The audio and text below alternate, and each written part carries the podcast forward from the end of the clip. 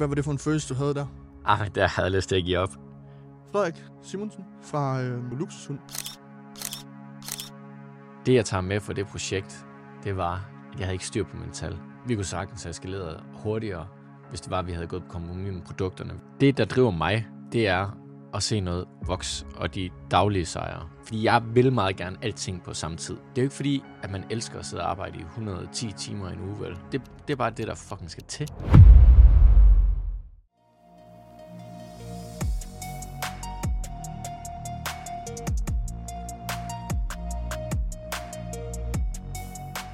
Frederik Simonsen fra... Øh, I dag er det jo Luxushund, Ja. som du primært beskæftiger din tid til. Ja. Velkommen til.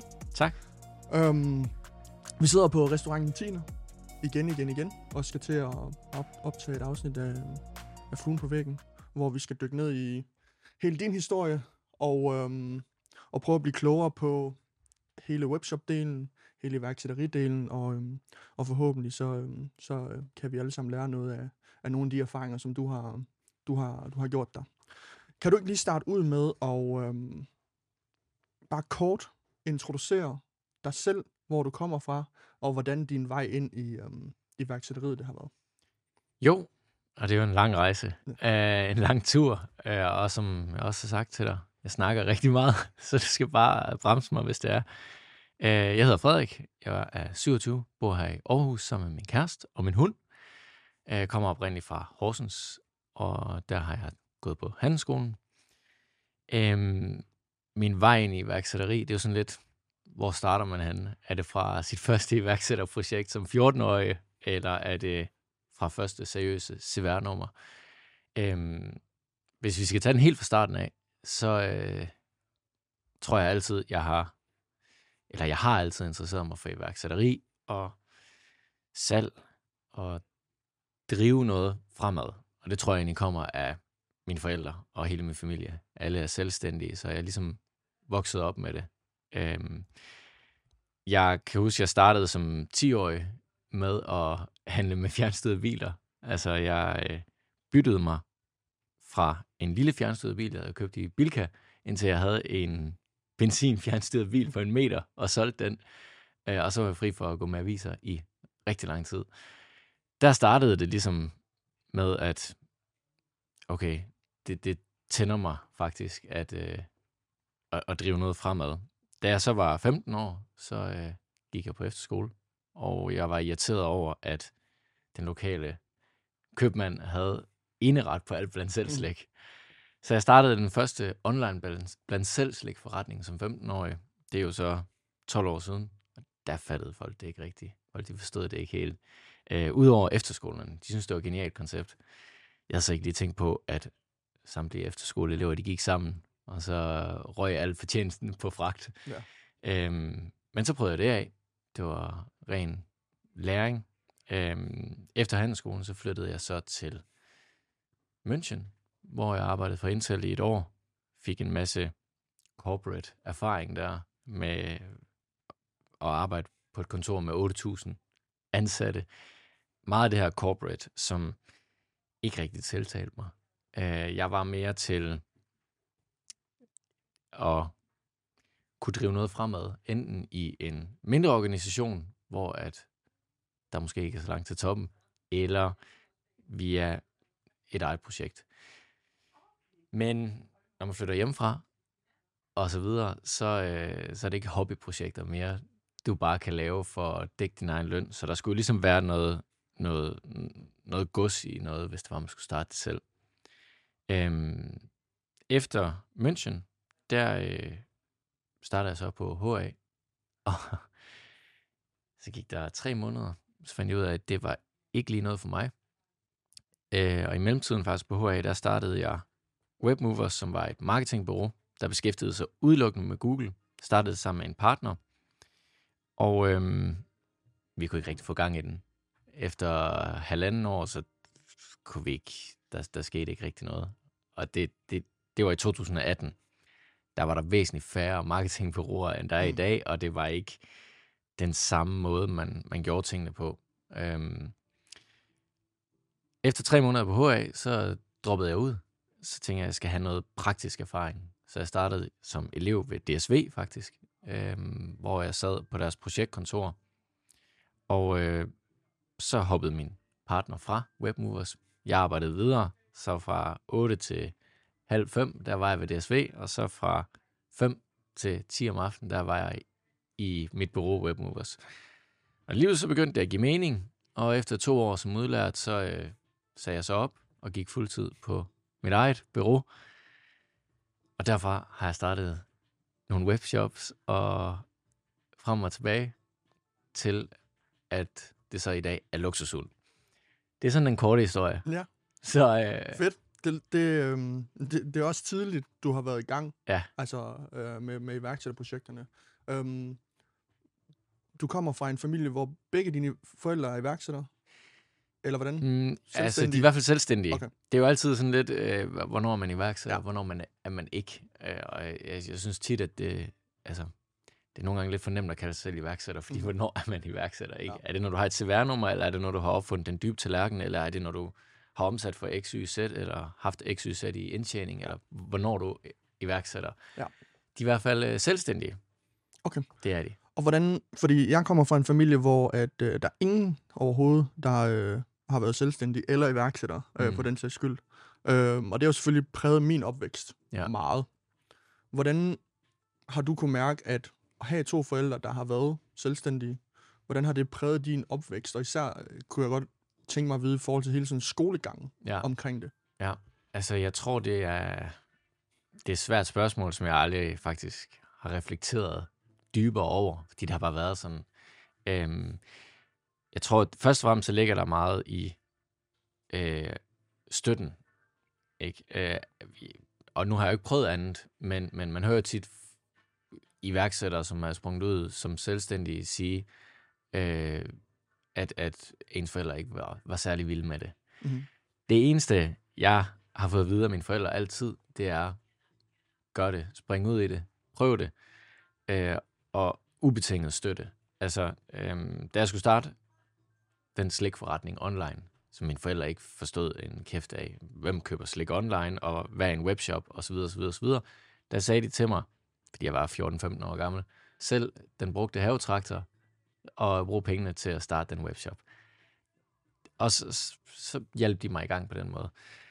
Øhm, siden da, der, der har de jo altså støttet mig ubetinget, om jeg har øh, braget hovedet ind i muren med 180 i timen, så har de jo prøvet at guide mig andre veje og hjælpe mig igennem det. Øh, så jeg tror, det, det er måske ikke så meget det her med, om de er selvstændige. Jeg tror mere, det er støtten også, man, man, Ja. man kan mærke. Men også fordi de forstår det. Ja, præcis. De Forståelsen. Ja. forståelsen af det. Og de har også selv prøvet det. De har også selv været Mm. i et startup engang. Ikke? Selvom det er mange år siden. Men hvordan, hvordan var hele sådan din skole så fra folkeskole til gymnasiet, og du tog også, og gik i hvert fald i gang på, på, på HA, altså universitetsuddannelsen. Hvordan var den del? Fordi der bliver du jo sat ind i en kasse til, at du skal ud og have et lønmodtagerjob, som Mm. jo er langt fra det, der et eller andet sted virker som om, det var dit drive dengang, det var at Ja. starte dit eget. Altså, øh, det, jeg har altid fået topkarakter i iværksætteri. Øh, det hedder så innovation Ja. ja. øh, på handelsskolen. Um, alle de kreative fag var jeg den, den bedste. Det er jo svært at sige, ikke? men jeg var i hvert fald en af, af, af topeleverne, når det er, man måler på karakter. Det var det, jeg synes, der var sjovt. Jeg har svært ved at koncentrere mig om noget, jeg måske ikke ser en dybere mening med. Øh, og det har min især far også vist forståelse for. Det forstod han godt. Matematik, det kunne han heller aldrig finde ud af. Så man siger, vi kan ikke regne, men vi kan regne ud. Og det er jo ligesom vores lod i livet. Vi er meget, øh, i hvert fald min far og jeg, også min mor, min, vi, vi kan finde ud af, altså vi, vi er lidt de kreative. Øh, så det har været svært for mig at virkelig sidde og fordybe mig i nogle ting på handelsskolen, som jo er det, der står klarest. Ja. Ikke? Øh, matematik, alle sådan nogle fag, Ja. hårde fag, dem var jeg aldrig god til. Nej. Jeg kunne nok godt blive god, men øhm, det sagde mig ikke det store, og det er en, det er en, en, en svaghed, jeg også har i dagligdagen. Jeg har svært ved at sidde og fordybe mig i, i ting i rigtig, rigtig lang tid. Og det er også derfor, det er godt, at, jeg, at vi har det setup, for eksempel i luksushund, som vi har, at vi er gode til hver vores ting.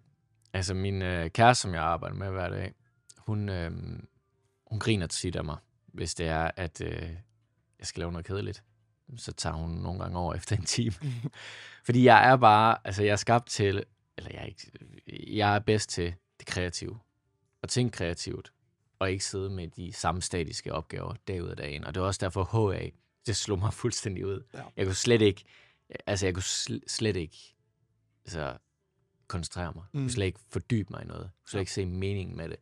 Så kom jeg så over til DSV, hvor jeg fik hands-on erfaring. Fik lov til at forhandle kontrakter, øh, se noget ske. Øh, og det, det var fedt. Øh, og det var fedt at komme ind og også få den corporate erfaring, som jeg også havde fra Tyskland. Om det så siger en noget eller ej, det er jo så noget, noget andet, ikke? Følte du dig som en fiasko dengang, hvor du droppede ud af dit HA? Nej. Eller hvordan? Nej, jeg ringte til min far og sagde, øh, og nu siger jeg meget min far, det er lige så meget min mor. Øhm, det første, min far han, han sagde, det var, det forstår jeg så godt. Jeg kan heller ikke finde noget af matematik. Mm. Find noget, du, du, du kan lide så. Altså, øh, så, så mine forældre er meget, og nu, nu skal det ikke kun handle om mine forældre, vel, men, men jeg tror, dine forældre er meget omdrejningspunktet i, Mm. man må altid gerne gøre sine forældre stolte, ikke? Og hvis du ikke har støtten fra dine forældre, så er det måske svært lige at tage de valg ja. Hen ad vejen. Især når det er, at du er så ung, som man jo er i, Mm. i start 20'erne, ikke? Der vil man gerne have ens forældres øh, go på de valg, man tager, Mm. at de også synes, at, at de er fede. Sådan tror jeg, vi alle sammen vi har det. Så, så det første, de, de, de sagde, det var, det, det er dit valg, og det forstår vi godt. Uh, vi kan heller ikke finde noget matematik, Mm. som der er meget matematik på HA. Så uh, der var der bare ubetinget støtte. Um, det er ikke fordi, de altid... Det, det, det lyder som om mine forældre altid bare har sagt, det støtter vi dig i, det støtter mm. vi dig i. De, de er meget kritiske også, altså i deres tilgang til de valg, jeg tager, men på en konstruktiv måde. Ja. Um, så hvis de kan se en mening med det, så, uh, så er de der. Men, men jeg er også, uden at kende dem overhovedet, men, men selvfølgelig, jeg er rimelig sikker på, at de også har været kritiske, og også, øh, hvad hedder det, udfordrer dig på dine tanker, men Ja. det, det, som du først fortæller, det er hele den støtte, der har været for den. Så mm. det Mm. må være det, øh, hvad hedder det, aftryk, du et eller andet sted har efterladt dig med, at du altid har haft støtten hjemmefra, Ja. hvilket måske har hjulpet dig meget med sådan hele tiden at altså, komme videre, når du banker hovedet ind i, ind i muren, eksempelvis. Det har jeg gjort nogle gange. det kunne jeg godt, øh, du kunne godt forestille med alle dine projekter også. øhm, jeg gik også selv på HA, droppede ud et halvt år før. Ja. Ingen af mine forældre har været selvstændige overhovedet. Øhm, jeg har aldrig nogensinde følt, det var mere rigtigt at trykke på den knap. Jeg tror faktisk bare, det var en knap, hvor man skriver Ja, ja. drop ud, eller ja, et eller andet, whatever det er. præcis. Det, var, det er alt for nemt. Ja, det er virkelig nemt. øhm, men, men jeg har aldrig nogensinde følt, det var mere rigtigt. Nej. Men alligevel var der et bagland, der konstant pressede mig, fordi Ja. ja. at jeg følte, at det her, det var den eneste rigtige måde ligesom at, at komme videre og mær- mærke den der udvikling i Danmark. Det Ja. var at, at tage, din, tage din uddannelse færdig. Mm. Øhm, så det, det har nok spillet en stor rolle, kunne jeg forestille mig også, at i din situation, du har haft nogle forældre, øhm, der har accepteret, at jamen, du kan ikke være god til alt. Det skal man meget i det danske skolesystem. Mm. Og at, hvad hedder det, du et eller andet sted skal finde din egen vej. Ja. Og det er jo det, der sker, når det er, at du prøver en masse forskellige ting, det er, at du finder ud af, okay, det her, det skal jeg ikke bede om. Ja. Jeg skal ikke lave den der slikbutik der, eller, Nej, eller noget i den stil. Præcis, og, og, og så tror jeg også meget, at det ligger i, at man bliver presset hurtigt igennem systemet i dag. Altså, øh, det, det, det, noget, som jeg fik at vide af en af mine forældres bedste venner, øh, som faktisk er handelsskolelærer. Mm. Hun sagde, at øh, det, er jo fuldstændig ligegyldigt, om du tager et, to eller tre sabbatår. Om du er 65, 66 eller 7, nu kan jeg ikke huske pensionsalderen mm. i Danmark. Den er vel op på 67 eller sådan noget. Jeg ved det heller ikke. Om du er 67, 68 eller 69, når du går på pension, er altså fuldstændig ligegyldigt. Ja. Så brug nu de, om det er to år, eller tre år, eller et år, det, det er ligegyldigt. Brug nu de år til at finde ud af, hvad du vil. Mærk efter. Fordi, hvor gammel er man, når man kommer ud af gymnasiet? Er man 18? 19? Ja. Ja, Du ved det heller ikke rigtigt. Er man 19? Jo, men det er det, men... Øh, og så, altså, du, du, du er vidderligt lige blevet voksen. Ja. Og så skal du tage valg, der sådan shaper, groft sagt, Mm, resten af dit arbejdsliv. Ja. Det er jo også skørt, ikke? I stedet for at tage Jeg tog for eksempel, som sagt, et år i Tyskland, hvor jeg arbejdede for Intel. Det kunne være hvilken som helst andre Mm. øh, virksomheder. Tog det år, blev meget klogere på corporate finans, øh, og blev meget klogere på mig selv, og på øh, andre kulturer. Det var så tysk kultur, Mm. så jeg er god til at drikke øl nu. Det var jeg ikke, før jeg flyttede derned. Øh, og så efterfølgende tog jeg et år, eller et halvt år, hvor jeg arbejdede røv ned i bukserne fra 7 morgen til kl. 8 om aftenen hver dag. Og så tog jeg et halvt år i USA. Og tredje år startede jeg så på HA, som så endte med at blive et sabbatår, fordi jeg var droppet ud, ikke? Ja. Øh, men, men det har gjort virkelig meget for mig. Sådan blev klogere på mig selv, blev klogere på, hvad jeg er god til, hvad jeg er ikke god til, hvad ja. Ja. er mine begrænsninger. Ja. Så Cool. Og prøv at tage mig igennem øhm, hele Webmovers, som jo var dit marketingsbureau. Det Ja. driver du ikke mere i dag, vel? Eller hvordan? I, altså, jeg, jeg, jo, nogle gange. Nogle gange. Altså, nogle gange skal man lige toppe den der øh, startup-løn op. Okay. Øh, så, så hvis jeg får et fedt projekt ind, jeg kan godt lide at hjælpe folk med live shopping. Okay. Så, men det er meget sjældent. Altså, meget sjældent. Ja. Så det er ren inbound. Øhm, at der nogle gange kommer noget. Okay. Så nej, jeg, har det ikke, men jeg har det. Okay. Som backup. Jeg har det halv procent eller okay. sådan noget. Og hvordan, øhm, fra at du starter Webmovers til at komme derhen, hvor du sidder med, med Luxushund i dag, Ja. øhm, der har været nogle flere forskellige projekter igennem. Du Det har, har der. startet mange forskellige webshops. Ja. Kan du ikke prøve at fortælle lidt omkring sådan hele din udvikling og rejse i, og, og et eller andet sted fra din første webshop til at, at være der, hvor du er med, med Luxushunden i, i dag? Jo, altså, øhm, da jeg dropper ud, eller ikke vrøvl, ikke, nu sidder den i baghovedet, da jeg øh, bliver færdig ved DSV, som udlært speditør, hedder stillingen, der øh, går jeg fuldtid med det samme på Webmovers. Sidder alene, øh, fordi min partner ikke er med mere. Han havde andre prioriteter, kunne ikke rigtig se, at det, det lykkes. Øh, lige pludselig så begyndte det så at lykkes. Men han ville hellere nogle andre ting. Vi er stadig mega gode venner i dag, så der er ingenting der. Øhm, jeg sidder så og øh, prøver at få det her op at køre, og byråbranchen var noget helt andet dengang. Ja. Øhm, ansætter min første praktikant, Anna, som du har ansat i dag. Mm. Øh, og, og sidder Anna og jeg der dag ud og dag ind og prøver at få, få byrådet til at køre. Og det begynder at gå godt jeg synes jo altid, at et succeskriterie for at være iværksætter og selvstændig, det er, at du kan betale din egen løn. Synes jeg virkelig lidt, du har lykkes som ja. selvstændig. Og det, det er jo også det, der er sådan lidt fordrejet i dag, synes jeg, at Ja. det er altid, øh, hvor mange ansatte har man, eller hvor kæmpe omsætning har du, eller hvor meget ligger der på bunden. Altså, den lokale vinduespusser, som betaler sin egen løn, og måske to ansatte. Altså, kæmpe chef. Sådan, øh, det synes jeg tit bliver misforstået nogle gange. Ja. Det der. Nå, men det er en helt anden snak. Øhm, jeg finder så ud af, eller jeg finder ikke ud af, jeg begynder at sige sådan lidt højt til Anna, at alle de kunder her, vi sidder og hjælper med Google, som det var dengang, øhm, det kunne da være meget fedt at prøve at skabe nogle salg til os selv, for os at kunne udvikle, eller blåstemple byrådet til, at vi har faktisk selv hands-on erfaring. Ja. Fordi at der, der sidder rigtig mange bureauer derude, som ikke aner en... Det bliver, altså byråbranchen var noget helt andet dengang, men, men det var for nemt dengang at bare sige, at man var ekspert. Ja. Det, det er det også i dag til en vis grad, ikke? men jeg føler, der er sket sådan en oprydning i byråbranchen på en eller anden måde. Øhm, men, men vi sad jo der og proklamerede, at vi var eksperter på webshops. Øh, men vi vidste ikke noget om det ene eller andet og det Mm. tredje øh, i, i forhold til drift af en webshop. Så det kunne jeg godt tænke mig. Så jeg går ind på Saxis og øh, scroller webshops igennem, og så ser jeg, at der er noget, der hedder Painhunter, som er øh, en webshop, som sælger massagepistoler. Det eneste, jeg købte, det var faktisk domænet for 4.000 kroner. Og øh, så købte jeg nogle massagepistoler hjem. Massagepistoler dengang eksisterede måske på to andre webshops. Altså, der var ikke nogen, der kendte til det. Hvis du sagde massagepistol til nogen, så er der ikke nogen, der anede, hvad det var. Mm. Øh, så det var sådan i den helt spæde start. Jeg tror, vi taler 2020, starten af 2020.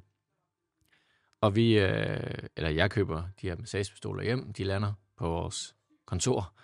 Og så går der 10 dage eller sådan noget. Så er vi solgt for de første 30.000. Og det var meget. Øh, det, det, det var rigtig meget på ingen tid. Ja. Øh, jeg havde ikke drevet webshop før. Vi vidste noget omkring Google-annoncering. Vi vidste noget omkring Facebook-annoncering. Men vi havde ikke drevet webshop før. Um, Berådet var jo stadigvæk nyt. Og øh, lige så tog det fart, og tredje måned, kan jeg huske, vi omsat for 400.000, tror jeg. Og så lige så skulle det jo... Det, det var sådan min iværksætterdrøm, der lige pludselig... Ja. Shit, man, der er noget her. Er fat i et eller andet. Øh, jeg var bare rigtig ny i hele webshop-delen. Men lige pludselig så, så øh, skulle vi jo udvikle, og øh, det blev vildere og vildere, og vi var oppe på, efter et halvt år, tror jeg, vi omsat for 900.000 om måneden. Vi flyttede i vores eget lille, meget ydmyge øh, lagerlokale, øh, som ja, nærmest var ved at falde fra hinanden. Men vi havde et lagerlokale, og vi havde et tilhørende kontor, og øh, så lige så kom corona, øh, som betød, at et lille startup, uden kongens mønt, som det var, altså der var ikke øh, nogen investorer, der var ikke noget lån for banken, der var ingenting, så skulle vi lige pludselig til at have tingene hjemme med fly, fordi vi, kunne ikke, vi havde ikke råd til at have en container på søen Mm. i to-tre måneder. Så vi skulle have hjemme med fly. Hvad betyder det under corona? Flypriserne, de gik fuldstændig amok. Ja. Ja. Og en lang historie kort er, det jeg tager med for det projekt, det var, at jeg havde ikke styr på min tal. Okay. Øh, vi havde revisor på, og vi havde en dygtig bogholder på, men vi var ikke, jeg var ikke dygtig nok til at dykke ned i de variable omkostninger, vores return på de, øh, rigtig, på de, jo, vores return var jeg god til at dykke ned i, men, men jeg var ikke god nok til periodisering af varelager, til det ene og det andet og det tredje, der følger med, når du har en webshop. Ja. Så det endte faktisk med at være et kæmpe slag for mig. Øh, Det startede med at være en rigtig god forretning. Så Mhm. kom corona og bankede mig fuldstændig tilbage. Mm. Og øh, det- ja, det, det, det- er sådan en, en sort tid for mig, fordi jeg begyndte at nedskalere byrådet, begyndte at opskalere min webshop, fordi det synes jeg, det var skideskægt. Købte, var også en af de første til at sælge Blue Light briller i Danmark faktisk, også under det selskab, der hed Shopmovers. Mhm. Men, men det hele, det ramlede bare under corona, og jeg var ikke dygtig nok til at drive webshop dengang. Mm. Jeg, jeg, jeg lærte så sindssygt meget. Øhm, og og det, det, det kom så vidt, at øh, jeg var nødt til at lave, at sælge det hele fra, hvilket også tog alt for lang tid i forhold til, hvad jeg synes, det var blevet til. Så det ender med, at, og det, det, altså det er virkelig sjældent, jeg snakker om det her, fordi det er sådan, det er bare bad vibes for mig, føler Ja. jeg. Øh, det ender med, at jeg sælger alt fra, og øh, så, så ligger der faktisk en, øh, det, det tror jeg aldrig, jeg har sagt til noget, til nogen. Jeg blev mere og mere åben om det med tiden, fordi det er sådan, det er bare sådan, det er. Der ligger en gæld til skat. Alternativet, det er, at man erklærer det konkurs. Der var ikke noget drift i selskabet. Og jeg er sådan, nej, fandme nej. Jeg er 24 år gammel. Jeg skal ikke erklære noget konkurs, som jeg har arbejdet for dag og nat, som ikke lykkes. Øh, og, og har fået minimalt i løn fra. Ja. Det, det, det vil jeg bare ikke. Så det ender med, at øh, jeg siger til skat, kan vi ikke lave en afdragsordning? Og så afdrager jeg helvedes mange penge Mm. over 10 måneder. Fik den ud af verden. Skattekontoen i 0. Streg over det. Projektet ud af verden. Har lært en masse. Øhm, og, og ja, det er sådan stadig svært for mig i dag at tale om, fordi det, det, det, det, det var bare... Der var så mange bekymringer Ja. hele tiden. Men øhm, det leder så til, at der åbner andre muligheder, tror jeg. Jeg tror, alt, alt hvad, hvad man gør og så videre, hvis, hvis du bare bliver ved og viser ordentlighed, så tror jeg, at mulighederne nok skal komme. Fordi jeg kan nogle ting, når det kommer til det kreative og så videre, men det, jeg manglede i det projekt, det var egentlig driften, en til at, at holde mig nede. Mm. Vi får en eller anden god idé, så gør vi det bare. Det er måske ikke lige nu, vi skulle gøre det. Øhm, det, det, det næste, der så sker, det er, at øh, jamen, så er Shopmovers ud af verden. det er et afsluttet kapitel, har taget ekstremt mange tæsk, har bare sådan kørt på, på, på max i to år, og corona kom, og jeg var ikke dygtig nok, måtte jeg jo erkende, til at, at have styr på, på nogle basic ting, øhm, kombineret med et, et marked, der fuldstændig stak af. Øh, massagepistoler. Var sådan, folk de var sådan, jeg skal, jeg skal åbne en webshop, jeg sælger massagepistoler. Ja.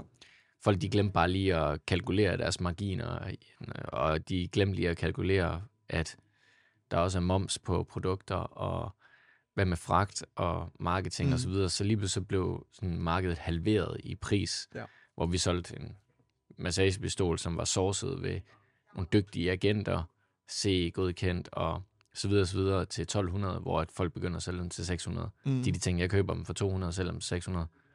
Tjek. Mm. God profit. Uh, og det er jo så, hvad det er, ikke? men det ødelagde bare markedet. Og så Ja. kom corona oveni. Så fra at vi ville bygge et vidderligt sportsrestitutionsbrand, så blev det bare til en kæmpe underskudsforretning, sådan overnight. Jeg lærte en masse.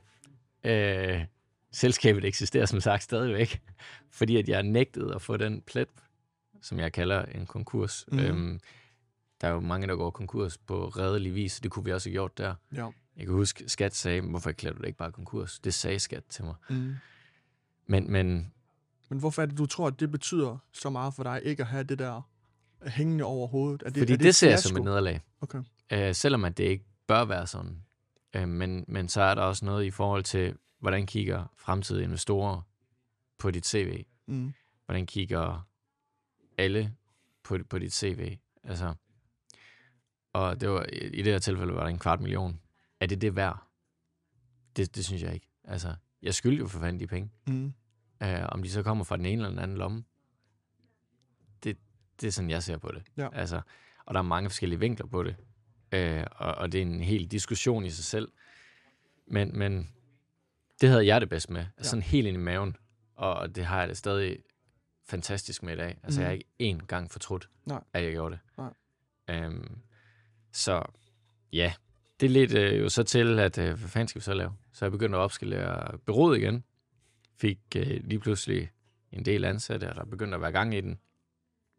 Til at øh, jeg så får en mulighed for at øh, starte et abonnementsforretning inden for kollagen, som var på det andet tidspunkt meget op i tiden. Det er det stadigvæk. Øh, så jeg udviklede øh, sammen med en partner noget, der hedder Copenhagen Skin Concept, hvor at øh, vi vil sælge kollagen, som er et kosttilskud. Mm. Primært kvinder tager det, men du blander det i dit vand eller juice, og øh, så får du en flottere og smukkere hud. Øhm, og vi ventede et halvt år på det her produkt, som kom fra Holland, og det var udviklet altså helt forbundet med mineraler og vitaminer, og hjemmesiden var kodet, altså custom coded, helt forbundet.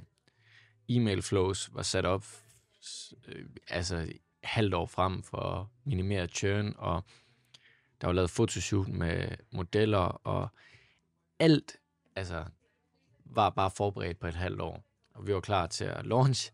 Så får vi de her fire paller kollagen hjem med, jeg ved ikke, 4.000 måneders forbrug, tror jeg, der var. Og så tænker vi bare, fedt, nu skal vi i gang, så blander vi det op i vandet, og så klumper det. Åh, så, øh, ja, så øh, kunne vi ligesom ikke sælge det. Hvad var det for en følelse, du havde der? Ah, men der havde jeg lyst til at give op. Jeg havde, altså, fra lige at havde mislykket med det ene webshop-projekt, til at det næste projekt så også bare starter dårligt ud. Der var jeg sat med ved at smide håndklædet i ringen. Øhm, men jeg har aldrig været sådan, altså jeg har aldrig lagt mig på sofaen og begyndt at have ondt af mig selv, øh, selvom man godt kunne have lyst til det nogle gange. Mm. Og grunden til, at jeg jo startede de her projekter, det er jo fordi, at jeg er drevet af kreativitet og se noget vokse osv. Og problemet med bureauet, det er, at jeg synes, det er mega kedeligt. så, så selvom at, at det kunne på sigt godt blive en god forretning, og det var en, en fin forretning, havde ansatte, betalt min egen løn, så er det bare ikke det, der tændte mig. Mm. Altså, jeg hoppede ikke ud af sengen om morgenen, fordi at, at nu skulle, skulle vi i gang med bureauet. Det eneste, der vidderligt tændte mig i byrådet, det var salg. Det, det var det eneste. Altså, så synes jeg, det var fedt at sende en faktura. Så det var mega kedeligt at sidde og lave marketing for andre. Ja. Øh, jeg synes, det var mega kedeligt at, at, at drifte et bureau. Øhm, Udover når det var for mig selv, så synes jeg, det var fedt at lave marketing. Så øhm, ja, Copenhagen Skin Concept, lang historie kort. Øhm, det, det, det blev for svært, det blev for komplekst, så det endte med at sælge. Og, og så det, det kører faktisk i dag. Øhm, så det var sådan lang tid, vi brugte på det. For så, ja, et halvt år. Øh, og, Er der en følelse i, i, i dig, i, i den sekvens, hvor du lige har haft den oplevelse, som du har, Ja. og du lige har eksempelvis solgt af her, og tænkt, det blev heller ikke en, den succes, som du har håbet på. Er der noget i dig, der et eller andet sted begynder at tvivle på dig selv, eller hvordan, for det kunne jeg forestille mig var meget naturligt, Mm. at man ville gøre. Øh, nej, nej det, det er der ikke. Jeg tror, man begynder at tænke mere sådan på, altså reflektere over, hvad det er, man gør galt. Mm.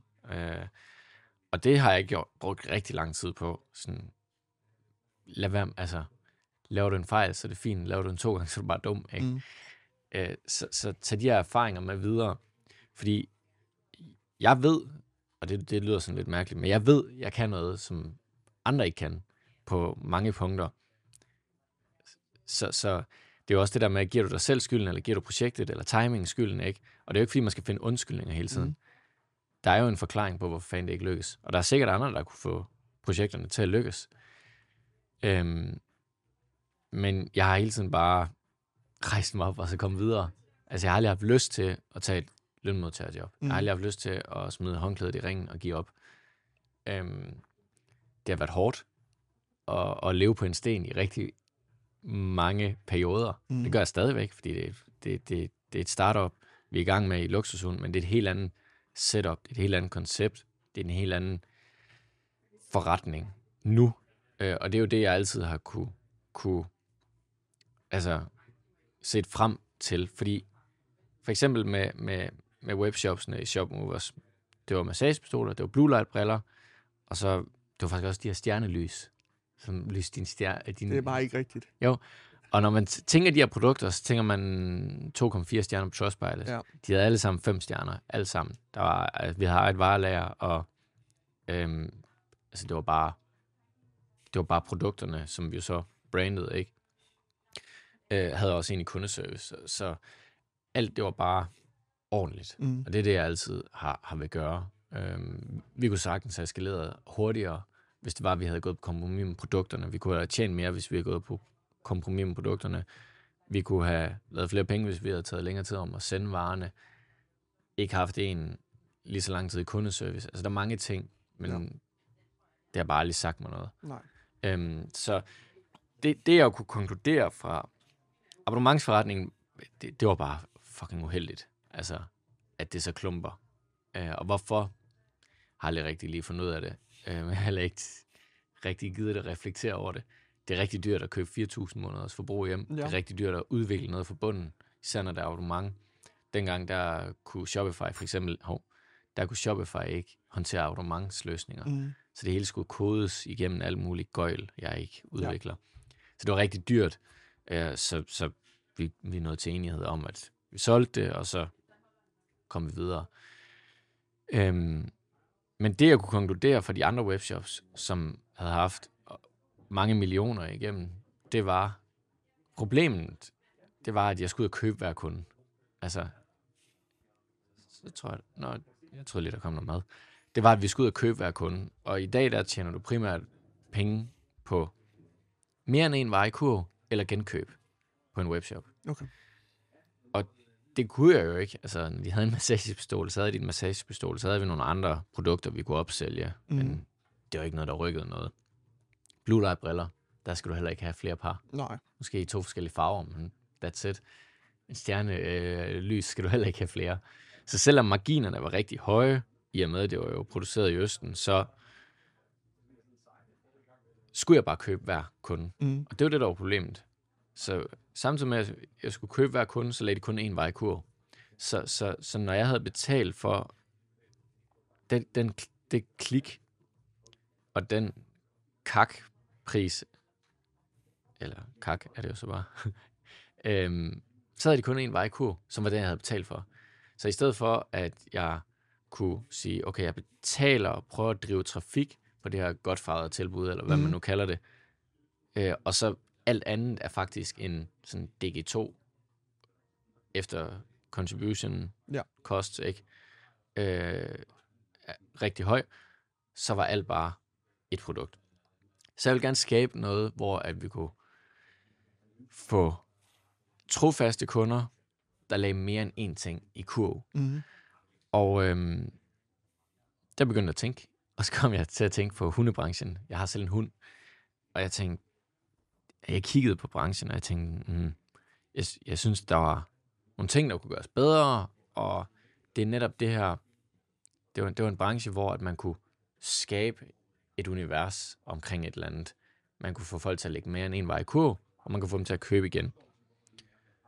Og så for at svare på de spørgsmål, jeg havde advaret om, jeg snakker meget. Jamen, det, det er så fint. Så for at svare på de spørgsmål, så går jeg så ind på Saxis igen. Øhm, og rent tilfældigt, så ser jeg, at luksushund er kommet til salg, som var en to år gammel webshop, der var blevet drevet af en dygtig kvinde ved navn Mie fra øhm, Sjælland. Havde drevet, hun havde drevet den i to år. Øhm, og, og var drevet på sådan, hvornår det hobby, og hvornår det, hun var jo fuldtid på det, ikke? Øhm, så, så det var jo et fuldtidsprojekt. Øhm, men, men havde ikke en, en vanvittig høj omsætning, og, og jeg kan ikke huske, hvorfor Mia solgte det, men jeg tror, hun, hun var travlt optaget af fire børn, tror jeg, Mia har, øh, og, og vil måske gerne prøve noget andet. Så den har hun sat sig selv. Det er også ligegyldigt, hvorfor hun solgte den. Mm. Øh, og jeg kunne jo se en pointe i, fedt navn, der var en lille kundedatabase, et, et, et lille leverandør setup øh, og, og en webshop. Så kunne man komme i gang. Øhm, og den bød jeg på igennem et, en, et, et år, og bød også rigtig, rigtig mange penge i forhold til, hvad jeg har råd til. Mm. øh, så jeg var, måtte også lige have min far med på vognen. Han synes heldigvis, det var en god idé.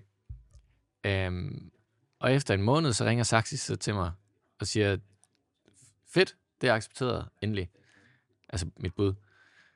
Og så ringer de en time senere og siger, det, det, der er simpelthen skrevet under i mellemtiden. Så jeg ved, jeg ved ikke hvad, lige, hvad der var sket. Men øh, der mistede jeg den så. Det er endnu et slag Så der var skrevet under med nogle andre. Ja, der var skrevet under med nogle andre. Jeg tænkte bare, for fanden, mand. Altså, de evighedsmøder med revisor, der skulle kigge tal igennem, og min far, og øh, Saxis, og Mie, og havde været fire timer til Sjælland, og tilbage igen, og jeg ved fandme ikke hvad. Nu kommer der mad.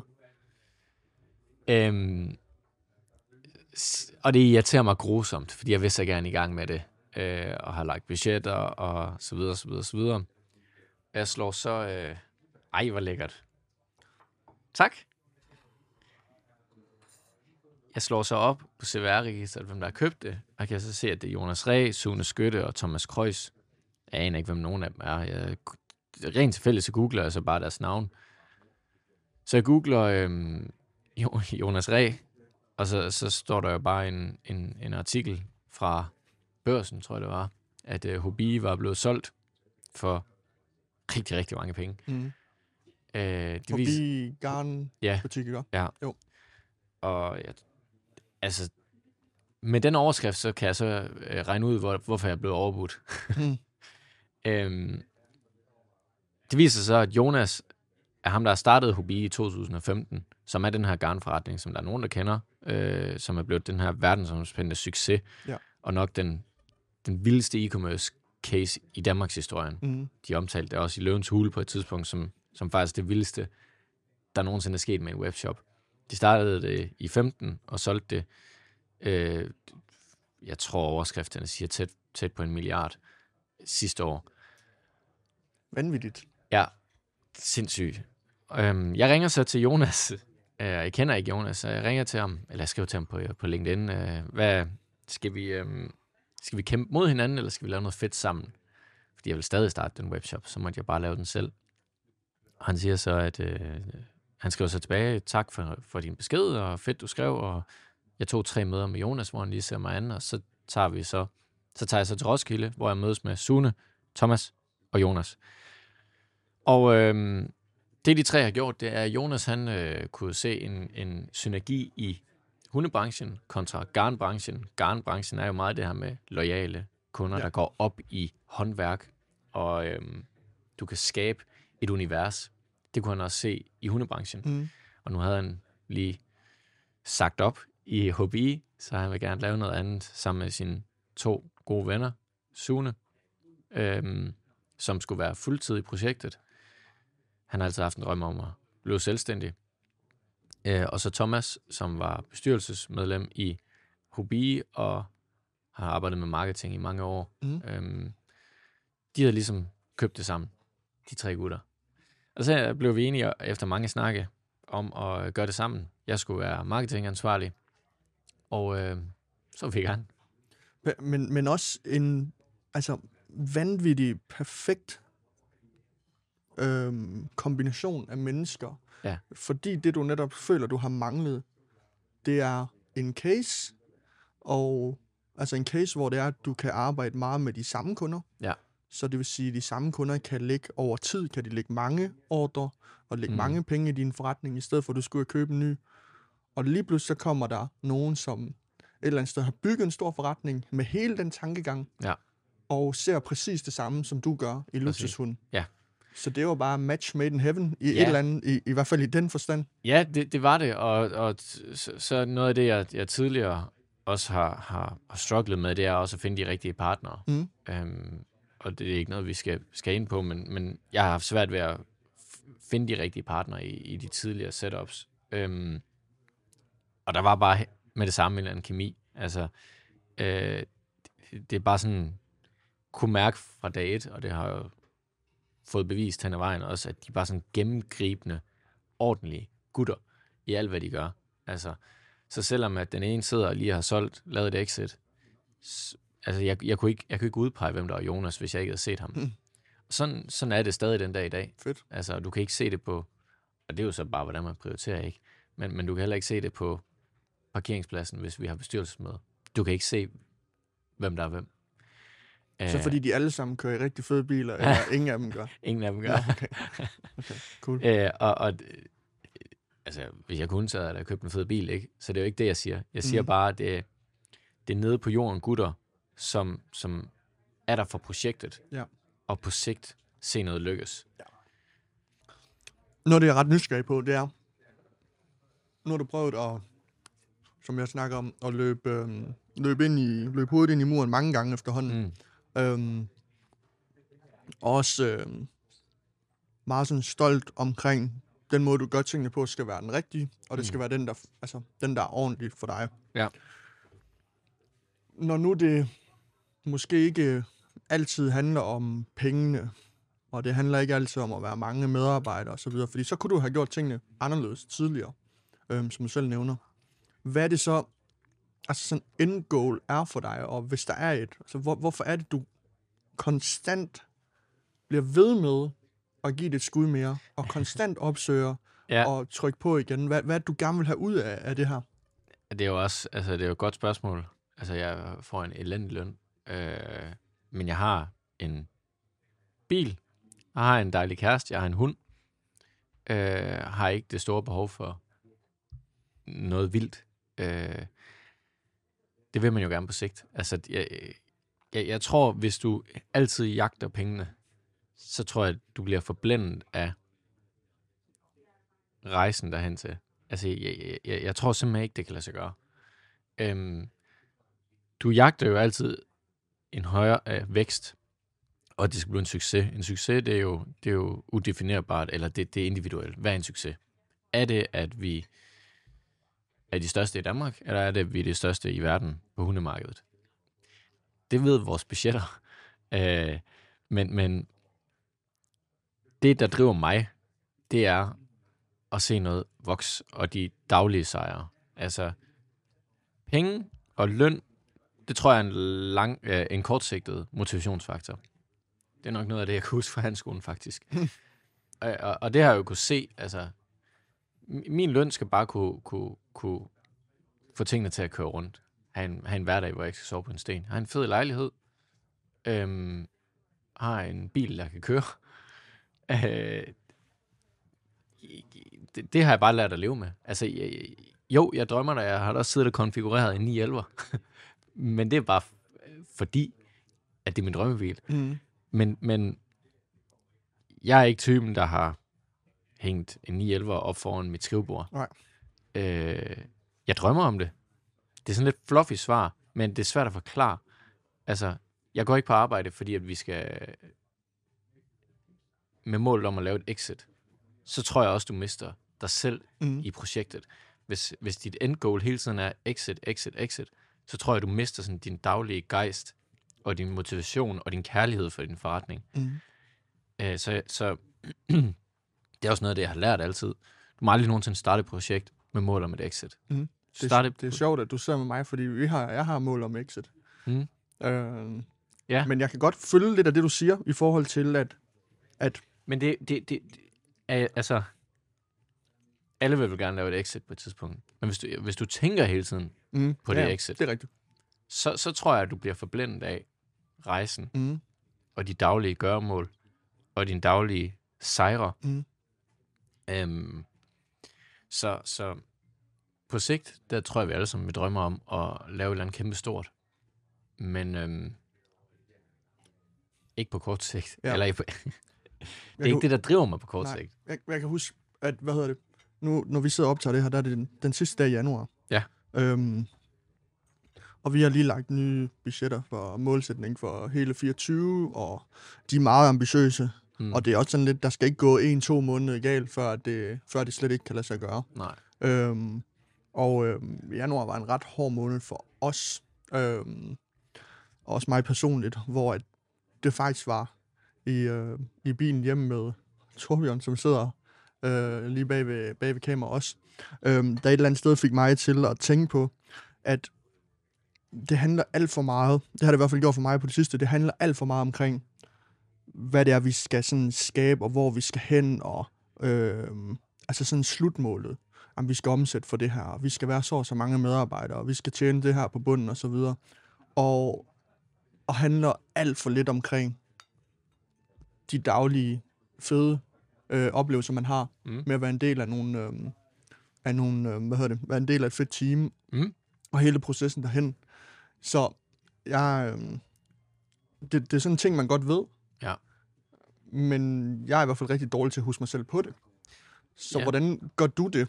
Altså, hvordan sørger du for, at, at du hele tiden er bevidst omkring, at men du bliver ikke trukket hen nogle steder, øh, som, som, som der ikke er rigtigt for dig?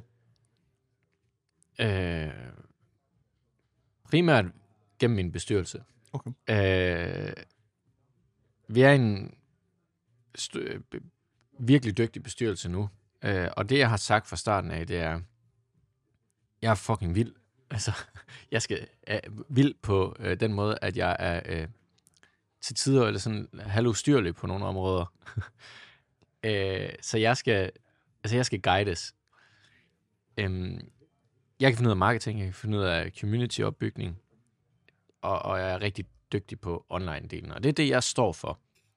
Men jeg skal guides i form af tal, vores, øh, vores, guide, øh, vores, vores direction, øhm, og det er derfor, vi har det setup, som vi har. Og det, og det anerkender de, øh, og, og så tror jeg, at man også nogle gange skal være god til at stoppe op, fordi det, det er sjovt, du nævner det, men for en uge siden, der sidder min kæreste og jeg og taler om, at det er altid budgetter, budgetoptimering, optimering af forretningen, og det skal det være, ikke? Men, men der går altid, der går lynhurtigt drift i et startup, hvor det går sindssygt stærkt. I den forstand, at nogle gange så glemmer vi for eksempel forretningsudviklingen, men nogle gange så glemmer vi også at lige stoppe op og tænke over, hvor er det egentlig, vi er. Øhm, vi har været i gang i halvanden år. Vi startede på 150 kvadratmeter lager, og nu er vi lige flyttet i 1700 kvadratmeter lager. Og vi er 15 på lønningslisten, tror jeg. Det, der bare, det, det glemmer vi bare. Altså, vi glemmer, at vi for halvanden år siden stod i et tomt lagerlokale og skulle i gang med at bygge en forretning. Mm. Fordi der går hele tiden tal i det, drift i det, og så det ene og det andet og det tredje, så går der hverdag i det, ikke? Men du glemmer faktisk nogle gange lige at stoppe op og tænke, fuck, det er vildt. Ja. Om, om, om vi så kunne have gjort det billigere og bedre og hurtigere, eller øh, billigere og langsommere og bedre, det, det er jo en helt anden snak. Realiteten er, at vi er, hvor vi er i dag. Om vi har brugt for mange penge eller for lidt penge, det er en helt anden snak. Vi er kommet hertil ved hårdt arbejde, øh, flid øh, og måske også øh, dygtighed. Mm. Du er ikke glad for at sige det? Nej, men altså, det er sådan, ja, det var også derfor, jeg var lidt, altså, Men, men hvordan... Ja. Øhm, hvad er det for nogle ting, man kan gøre for netop at blive bedre til det der? Fordi jeg vil også gerne blive bedre til det der. mm, Det der med at netop stoppe op, og så øh, kigge på, øh, på den udvikling i et øh, lidt større perspektiv, end bare lige den sidste uge, eller den sidste måned. Altså noget af det, som, som, som jeg tror, vi, vi er lidt slemme til at overse nogle gange, det er, det er meget hardcore tal. Altså budgetter for de næste tre år, og så er det hardcore. Månedsrapportering den 8. og så er det tal. Ikke? Øh, det, det, det, jeg tror, vi, vi skal være bedre til, og det tror jeg også, der er mange andre webshops, det er også at kigge på sådan de blødere værdier, lige krasse lidt i Excel-arket. Ikke? Mhm. Hvor, hvor, hvor, hvor, hvordan ser din, bare for at give et virkelig nemt eksempel, hvor, hvor meget omsætning har du flyttet over på dine egne kanaler, for eksempel e-mail. Ja. Det, det reflekterer tallene ikke. Øhm, så, så jeg tror, noget af det, vi, vi begynder at arbejde mere på, det er øh, nuancere vores månedsrapporteringer mere. Mm. Det har vi ikke været gode til. Altså når der lander en månedsrapportering fra vores øh, revisor den 8. i måneden, så måske lige nuancere den lidt. Det er vi blevet bedre til hen ad vejen. Det er den ene ting, så det, det er sådan på, på det driftmæssige plan, men, men noget vi også arbejder med lige nu, og noget vi har været virkelig dårlige til, det er medarbejdere øh, og kultur, fordi det er gået så stærkt. Mm. Så os, der skal drive kulturen og medarbejderne, vi har arbejdet 80 timer om ugen.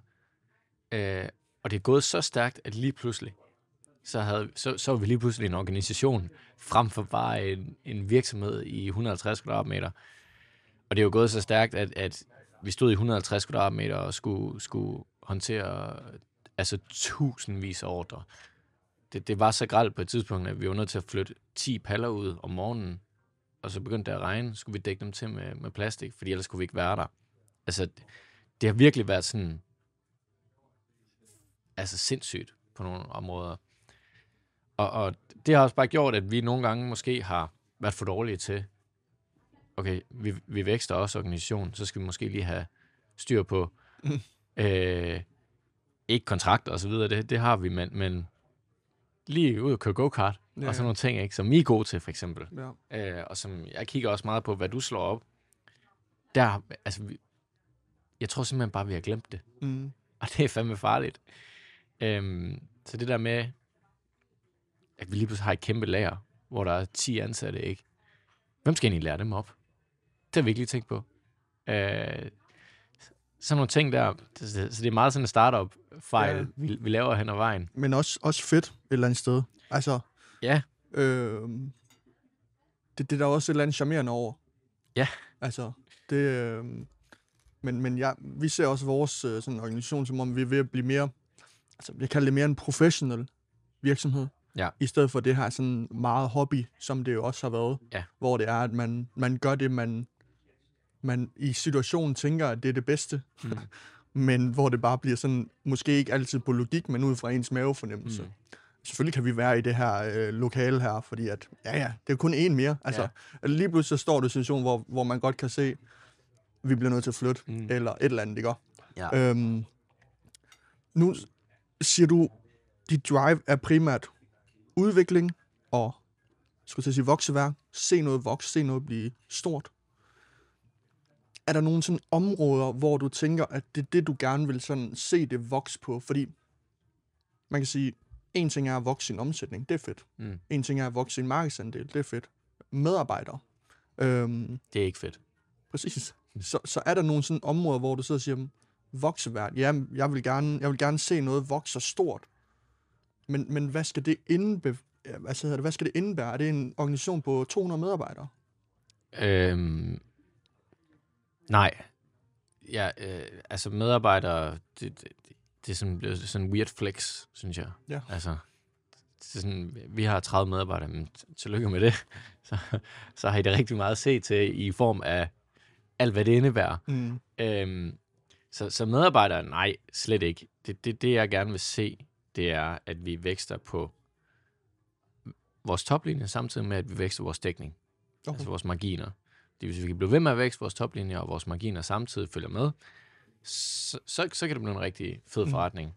Øh, og og det, det gør vi jo primært ved at udvikle vores egne brands. Min kæreste sidder fuldtid og udvikler egne brands. Ja.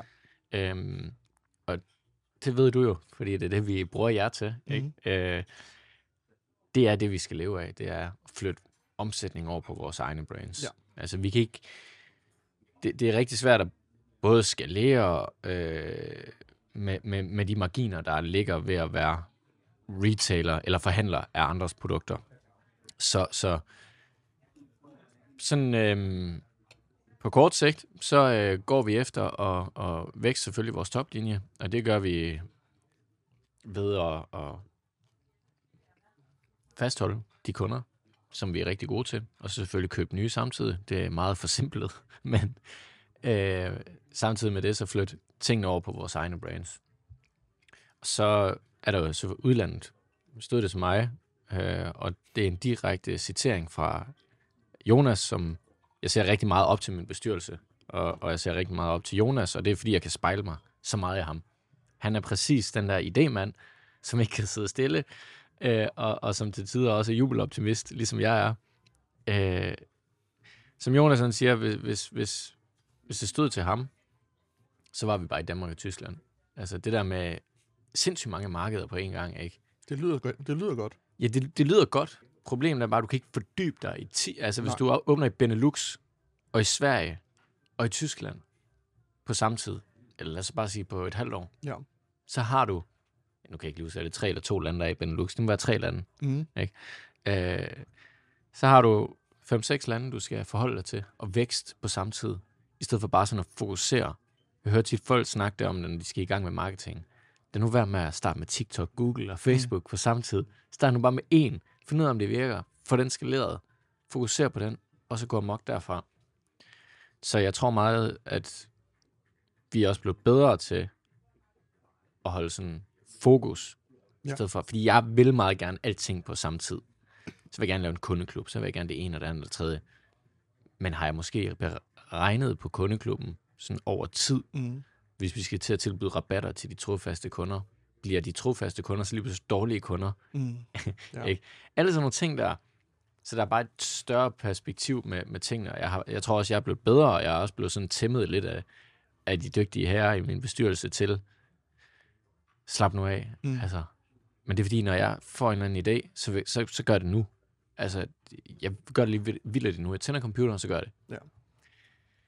Så jeg, jeg svarede nok ikke på dit spørgsmål. Nej, men jeg, jeg, jeg synes jo egentlig, det giver, giver god mening. Øhm, noget, jeg godt lige kunne tænke mig at prøve at, at snakke lidt om, det er, øhm, det er det faktum, at øhm, du arbejder fuldtid sammen med din kæreste. Ja. Prøv at fortælle mig omkring, hvordan øh, man ender i, øh, i sådan en situation. Jamen, øhm, realiteten er jo, at vores lager, det ligger over på Sjælland. Fordi der er min kære partner, som var de tre herrer, Sune, Jonas og Krøjs. Thomas Krøjs. Øhm, lageret blev startet derovre i tidernes morgen. Halvanden år siden. Det skal man lige huske nogle gange. Mm. Det er kun halvanden år siden. Øhm, og øh, vi sidder så herover. Jeg er fra Aarhus, og for halvanden år siden, der skal vi så i gang med at starte vores eget første private label brand. Mm. Vi finder så et brand fra Aarhus, der hedder Stay, som vi tænker har nogle rigtig fede linjer, har et fedt udtryk. Faktisk lige det, vi godt kunne tænke os. Dem opkøber vi så. Men vi har ikke nogen designer. Jeg kan ikke designe. Jeg er elendig af det. Altså, jeg kan være designer. Det, og der kan du lave noget vildt, men det kan jeg heller ikke finde ud af. Øh, og Sune, som er min kære partner i driften over på lageret, han, øh, altså, han kan heller ikke finde ud af design. Mm. Og jeg kommer jo så i tanke om min, min kære kæreste, som er rigtig dygtig til Instagram, og design, tror jeg. Tror du? Ja, det tænkte jeg. Det Mm. kan hun sgu godt finde ud af. Øhm, hun er med på det. De andre er med på det. Jeg siger, den eneste, det eneste krav, jeg har, det er, at jeg snakker ikke løn med Nora en eneste gang. Okay. Lønsamtaler og alt, hvad der hedder løn og rammer. Jeg vil, ikke, jeg vil ikke engang med til møderne, Hvorfor ikke? fordi jeg skal ikke sidde og forhandle løn med min kæreste. Mm. Øhm, det, det, og det, det, det tror jeg er fint gør, at gøre det sådan. Jeg har aldrig prøvet det, så jeg kan ikke for, fortælle, om det er den rigtige løsning. Mm. Jeg kunne bare ikke forestille mig, at jeg skal sidde, eller min kæreste skal sidde og argumentere over for mig, hvorfor hun er det værd, som hun er. Mm. Jeg vil heller ikke kunne retfærdiggøre over for en bestyrelse, at der måske ikke er nogen bløde værdier indblandet, hvis hun lige pludselig får mere end Mm. mm. de andre. Så, så det var sådan, det var, og øhm, hun var med på vognen. Og så var vi egentlig i gang. Vi sidder to her i, vi har siddet fire, nu sidder vi to, det er min kæreste og jeg. Øhm, vi startede på et tidspunkt i Sverige, det er sådan en helt anden snak, men bare lige kort. Der var sådan en svensk krone, og vi var ikke langt nok med vores private labels, vores marginer kunne ikke klare den svenske krone. Så Sverige lukkede vi ned igen. Men der sad en svensk konsumanager på et tidspunkt. Det gør der ikke mere. Så nu er det kun Nora og jeg, der sidder der. Min kæreste hedder Nora. Og øhm, hun øh, er som sagt dygtig til de ting, som hun er. Vi er så i gang, og øh, vi skulle lige indstille sigtekornet. Fordi jeg ved, at du vil stille ind, øh, spørge ind til, hvordan- hvordan det er, og så videre. Øh, vi skulle lige indstille sigtekornet i starten.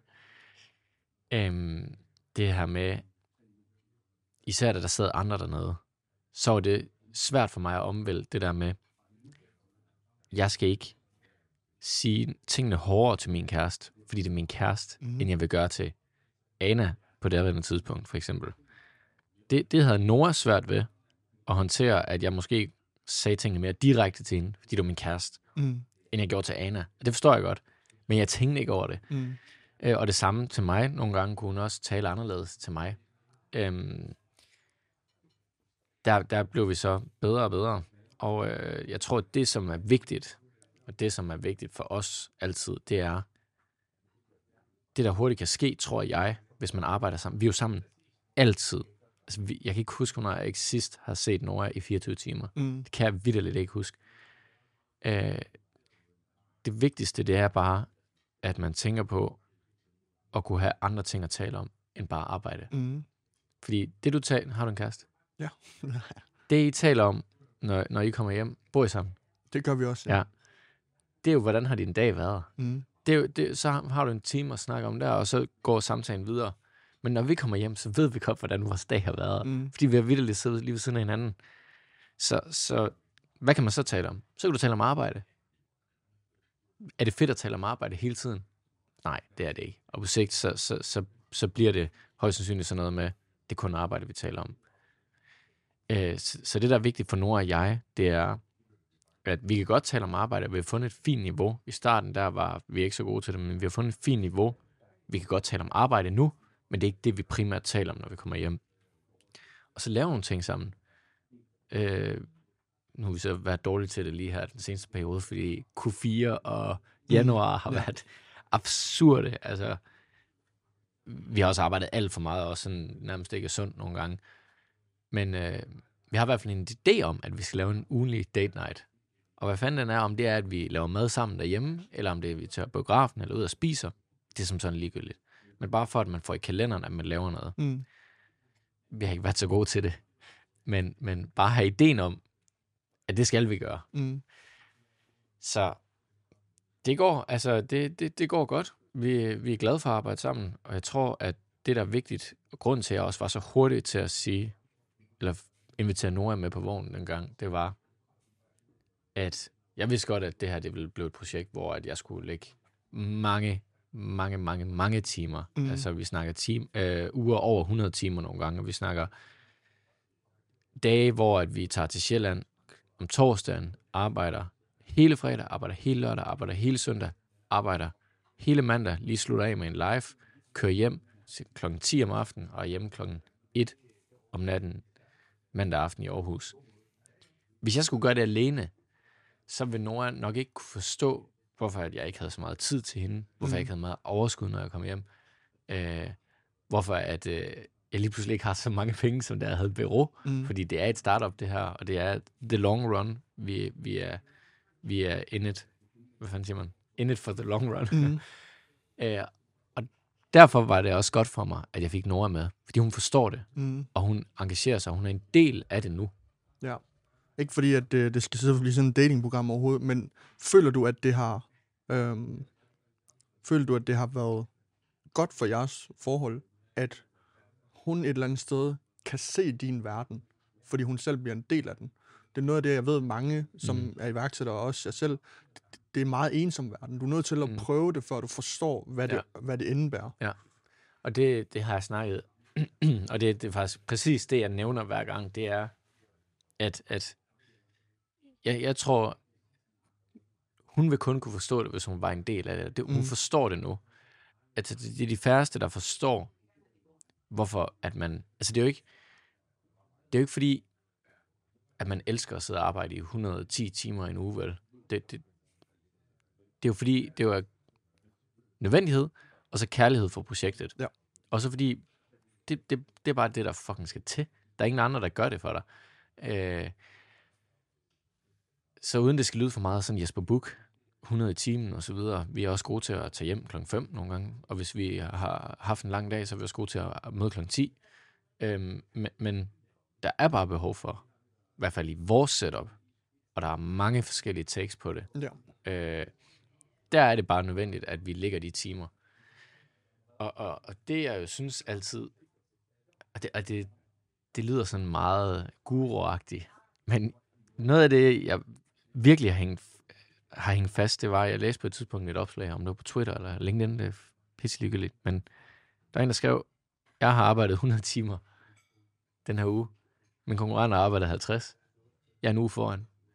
Altså, det, det, det synes jeg virkelig sådan, sætter tingene i perspektiv. Ikke? Mm. Så kan du være effektiv, du kan være ineffektiv. Har du ting sat op ordentligt i Notion? Er du, øh, holder du lange pauser osv.? Det er noget helt andet, men bare sådan ideen om det. Ja. Så ja, jeg tror, det er godt, at hun er med. Fordi hun for, forstår det nu. Helt sikkert. Cool. Der er gået en time, Frederik. Ja, det, jeg snakker helt vildt. Det, øh, det været fedt. Tak, Ja. ja. fordi du lige gad at, at komme forbi Selv tak. og øh, dele ud omkring din, øh, din rejse. Selv Nu må tak. vi heller lige få, få spist Nu færdigt. spise færdig, ja. Vi øh, tales ved. Det gør vi. Tak for at lytte med til dagens afsnit. Husk at følge podcasten, så du ikke går glip af fremtidige episoder. Og hvis du kan lide det, du hører, så vil jeg være utrolig glad for, hvis du vil bedømme podcasten også. Vi ses næste gang.